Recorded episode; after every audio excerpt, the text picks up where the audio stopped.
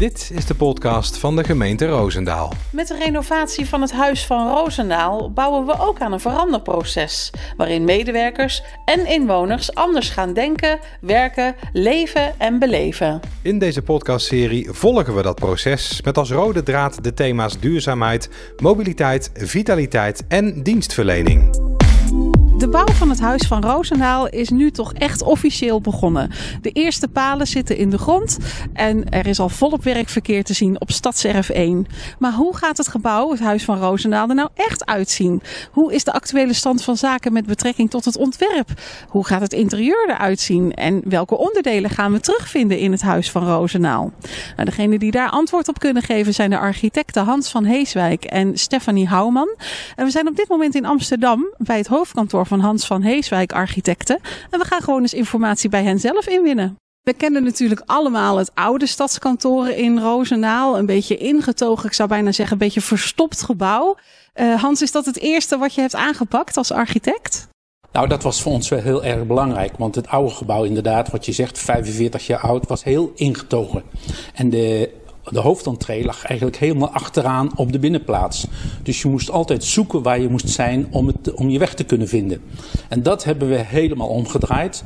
Het gebouw is nu echt een gebouw geworden met een publiekskarakter. Een openbaar gebouw. Zodat als je van buitenaf aankomt lopen, dan zie je al heel duidelijk waar de entree is, waar je moet zijn en hoe het in elkaar zit. Dus het is echt een gebouw voor alle Roosendalers geworden. En dat was het voorheen niet. Toen leek het gewoon een anoniem kantoorgebouw. En nu is het heel duidelijk het Huis van Roosendaal. Waar Hans voornamelijk verantwoordelijk was voor de buitenkant van het gebouw, hield Stefanie zich vooral bezig met het ontwerp van het interieur. Belangrijk uitgangspunt is daarbij rust, ruis en rumoer. Stefanie, hoe zien we dat straks terug in het huis? Ja, de, de woorden rust, ruis en rumoer gaan over uh, de werkomgeving in het Huis van Roosendaal. Dus dat is uh, op de verdiepingen gelegen, de eerste tot en met derde verdieping. En rust, ruis en rumoer gaat vooral over uh, een werkwijze. Um, mensen werken op vers verschillende manieren en hebben ook verschillende activiteiten. En daar past rust, ruis en rumoer bij. Bij rust gaan mensen een, een activiteit doen waar ze zich goed moeten kunnen concentreren. Dus waar ze het liefst uh, rustig uh, werken zonder gestoord te worden. Dan hebben we als volgende uh, ruis. Uh, ruis zijn werkplekken waar je het liefst ook nog wel geconcentreerd wilt werken, maar waar je uh, nog wel vragen kan be beantwoorden of even um, met een collega kort kan overleggen. Maar de bedoeling is toch dat het rustig gebeurt. En dan hebben we de werkplekken rumoer. En rumoer zijn werkplekken waar je met anderen samenkomt, waar je informeel overlegt, waar je kan brainstormen, waar je samen aan projecten werkt. Dus daar kom je bij elkaar. En wat is er dan op de begane grond? Want hoor je nu over de verdiepingen praten. Hoe gaat de begane grond eruit zien? De begane grond uh, is eigenlijk het uh, openbare deel van, uh, van het Huis van Roosendaal.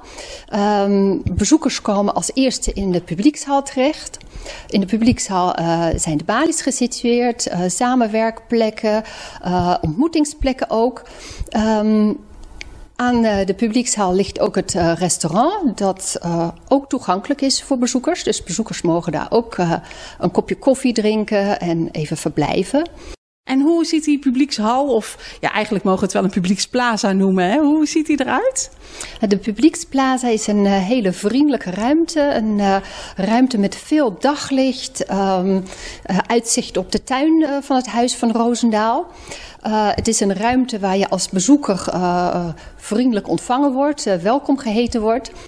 bezoekers komen binnen in de plaza en worden welkom geheten door de barista. We hebben een barista bar waar, die dus ook dient als, nou ja, eigenlijk als een soort receptie. Um, ja, dus dan word je daar welkom geheten als bezoeker. Je wordt doorverwezen, je wordt geholpen en dan wordt je een kopje koffie aangeboden. Dus de publieksplaza wordt straks ja, zowel ruimtelijk een hele mooie, lichte, hoge ruimte, als ook een hele aangename ruimte en uh, een vriendelijke ontvangstruimte. Dat klinkt veelbelovend, Stefanie, maar nu heb ik begrepen dat er ook een aantal ruimtes zijn, vijf hubs die ontworpen worden door de medewerkers zelf. Betekent dat dat je daar helemaal geen bemoeienis mee hebt? Of heb je wel kaders meegegeven hoe die ruimtes eruit zouden moeten zien? Um, ja, het klopt dat uh, de medewerkers vijf hubs hebben ontworpen. Um, dat hebben zij uh, samen met een ontwerper gedaan of met een kunstenaar. En um, de medewerkers hebben uh, zelf uitgangspunten voor deze ruimte bedacht. ze hebben gebrainstormd en dan samen met de kunstenaar of de ontwerper de ruimte helemaal uitgewerkt. Dus daar hebben wij geen, geen bemoeienis mee gehad. Het is echt een ruimte die zelfstandig door de medewerkers ontworpen is. Ja, behalve een mooi interieur um, moet er natuurlijk ook gewoon een mooi gebouw staan. Uh, daar zijn ook allerlei technische richtlijnen waar je ongetwijfeld uh, rekening mee moet houden. En een van de dingen die misschien nu nog wel wat ingewikkelder is dan ooit, is ventilatie. Of is dat niet zo? Natuurlijk, door deze pandemie is verse lucht in een kantoorgebouw waar dagelijks mensen werken heel erg belangrijk.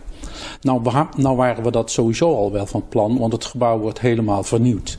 Je moet je realiseren dat het gebouw 45 jaar oud was. En toen is er nog nauwelijks aandacht besteed aan verse lucht en aan ventilatie.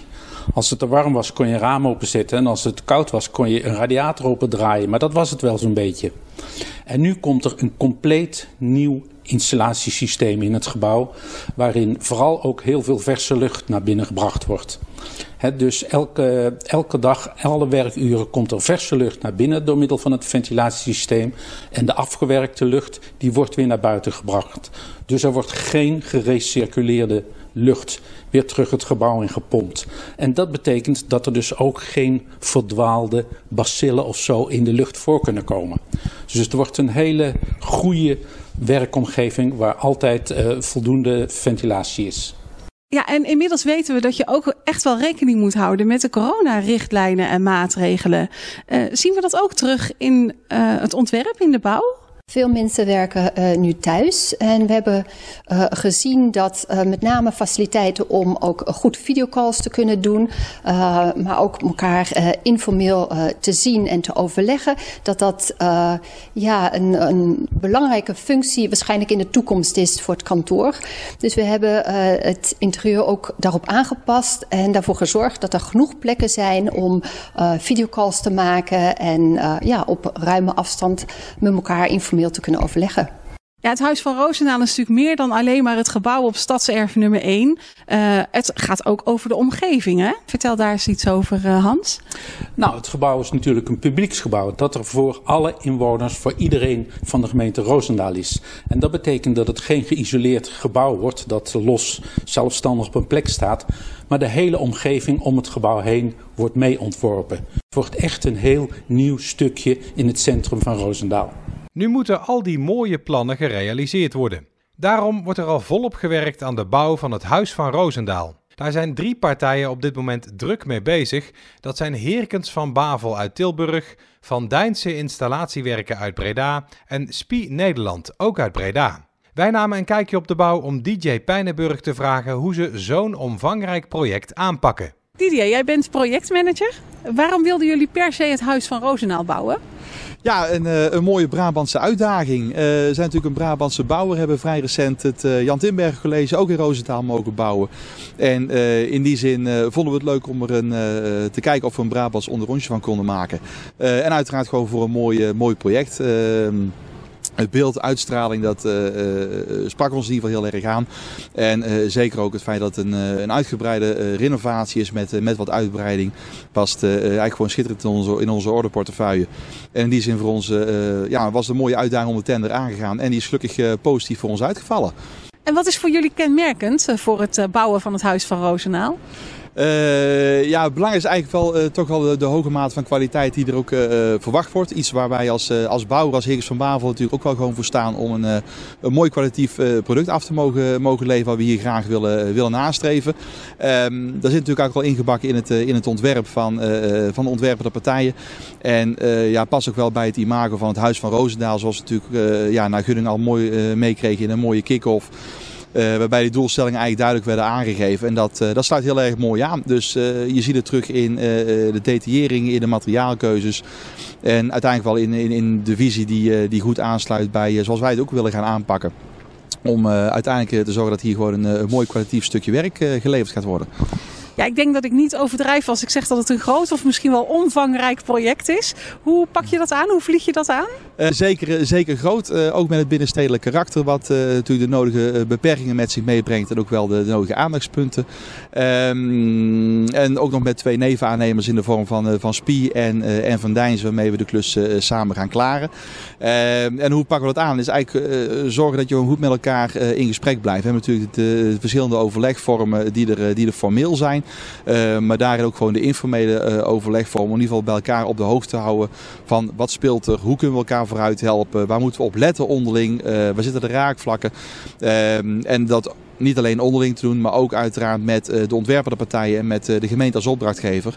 Um, uiteindelijk zien we bouwen gewoon als een teamsport en heb je daar alle schakels in het proces voor nodig om uiteindelijk gewoon een mooi kwalitatief resultaat te kunnen brengen. Dus ja, overleg is daar heel, uh, heel erg in, uh, belangrijk in. En uh, vooral, en dat zie je ook hier op uitvoerdersvlak terugkomen, zorg dat de sfeer op de bouw gewoon leuk blijft met elkaar. En zorg dat je elkaar altijd vooruit wil helpen. En ja, dat is de enige manier om uiteindelijk een mooi werk te kunnen leveren. Ja, je noemde net al heel even, het is een uh, groot project ook omdat het in de binnenstad plaatsvindt. Dus je hebt met veel meer dingen te maken. Uh, je zei dat beperkt ons soms ook een beetje. Hoe, hoe werkt dat? Wat, wat moet je daar extra voor doen? Uh, wat, wel als een van de aandachtspunten is, is natuurlijk bouwen op een, op een beperkte bouwplaats. En zeker binnen, binnenstedelijk zijn beperkingen kent. Dat houdt in dat je niet overal bijvoorbeeld een hijskraan of een hoogwerker weg kunt zetten waar je dat zou willen.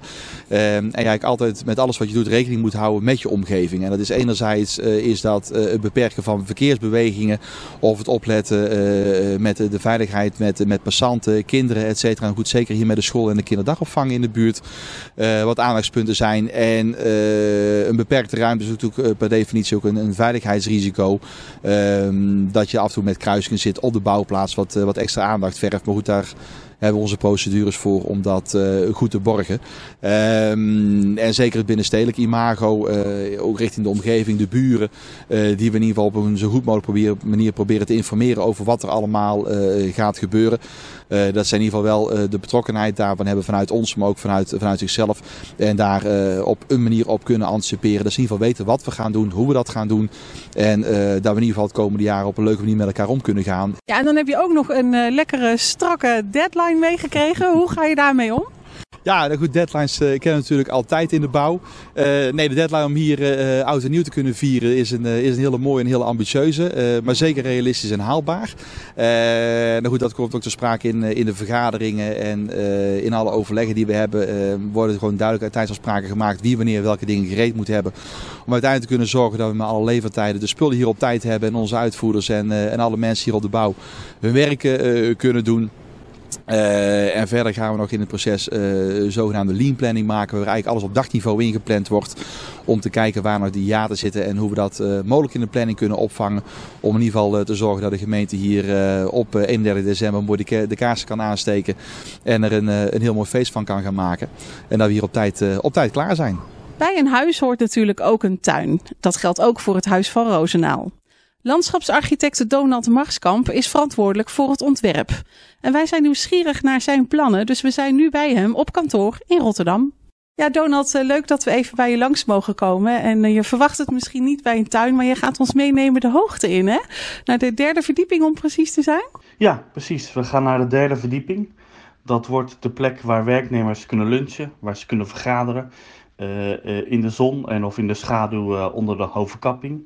Uh, dat wordt een plek om te zitten, heel erg groen, heel flexibel en daarmee een fantastische plek te midden van de stad in het groen. Ja, en dan gaan we naar de vierde verdieping, want daar komt ook een daktuin. Maar betekent dat dan dat die dezelfde functie heeft als de daktuin op de derde verdieping? Die krijgt een andere functie. We gaan eigenlijk de bestaande daktuin gaan we omvormen tot een groene oase. Waar je straks heerlijk even ontspannen kan zitten om een vergadering voor te bereiden of een één op één gesprek. Volledig in het groen met prachtig uitzicht over Mariadal. Ja, en ook op het dak van het vergadercentrum wordt het groen, hè? Ja, dat wordt een heel groen dak. Die gaan we helemaal groen maken. En wat we daar eigenlijk gaan doen is dat we daar met uh, de beplanting zorgen dat... En ze met de bijen daar een prachtige plek uh, in de krijgen. We gaan de bijenkasten neerzetten. En uiteindelijk komt straks in de kantine bijenhoning van het Huis van Roosendaal. Ja, en dan komt er ook een rozentuin, heb ik begrepen. Waar komt die? Ja, die komt uh, En ze beneden op de begane grond. En heel mooi vanuit de foyer heb je daar heel mooi zicht op door al dat glas. En dan zie je eigenlijk alle rozen en dat is maar bloeien. Maar dan zie je dus ook dan trouwstellen staan en terwijl ze gefotografeerd worden of een familieportret gemaakt wordt. Dus een fantastische romantische plek waar je, kan, uh, waar je mooie foto's kan maken, maar waar je ook even kan zitten. Dan is er ook nog een mogelijkheid voor groene gevels, hè Donald? Maar wat zijn dat? Wat moet ik me daarbij voorstellen? Ja, groene gevels zijn eigenlijk uh, een beplanting en ze met tegen de gevel. En uh, we gaan aan de voorkant van het gebouw uh, van het Huis van Roosendaal gaan we eigenlijk groene gevels, eigenlijk een groene tuin en ze met tegen de gevel aanmaken.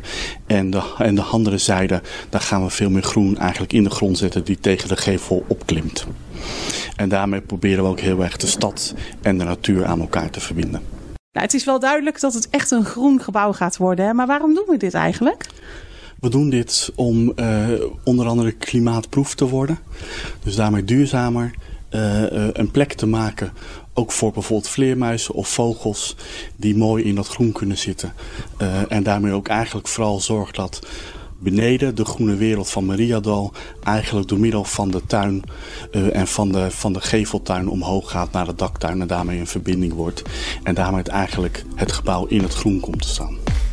Aan deze podcast werkte mee Hans van Heeswijk Architecten, Heerkens van Bavel en Studio Mars. Deze podcast is mede tot stand gekomen door Klemtoon Media, jouw partner in podcasten. Wil je geen enkele aflevering missen? Abonneer je dan op het kanaal van de gemeente Roosendaal via jouw favoriete podcast-app. Voor meer informatie kijk je op onze website www.roosendaal.nl.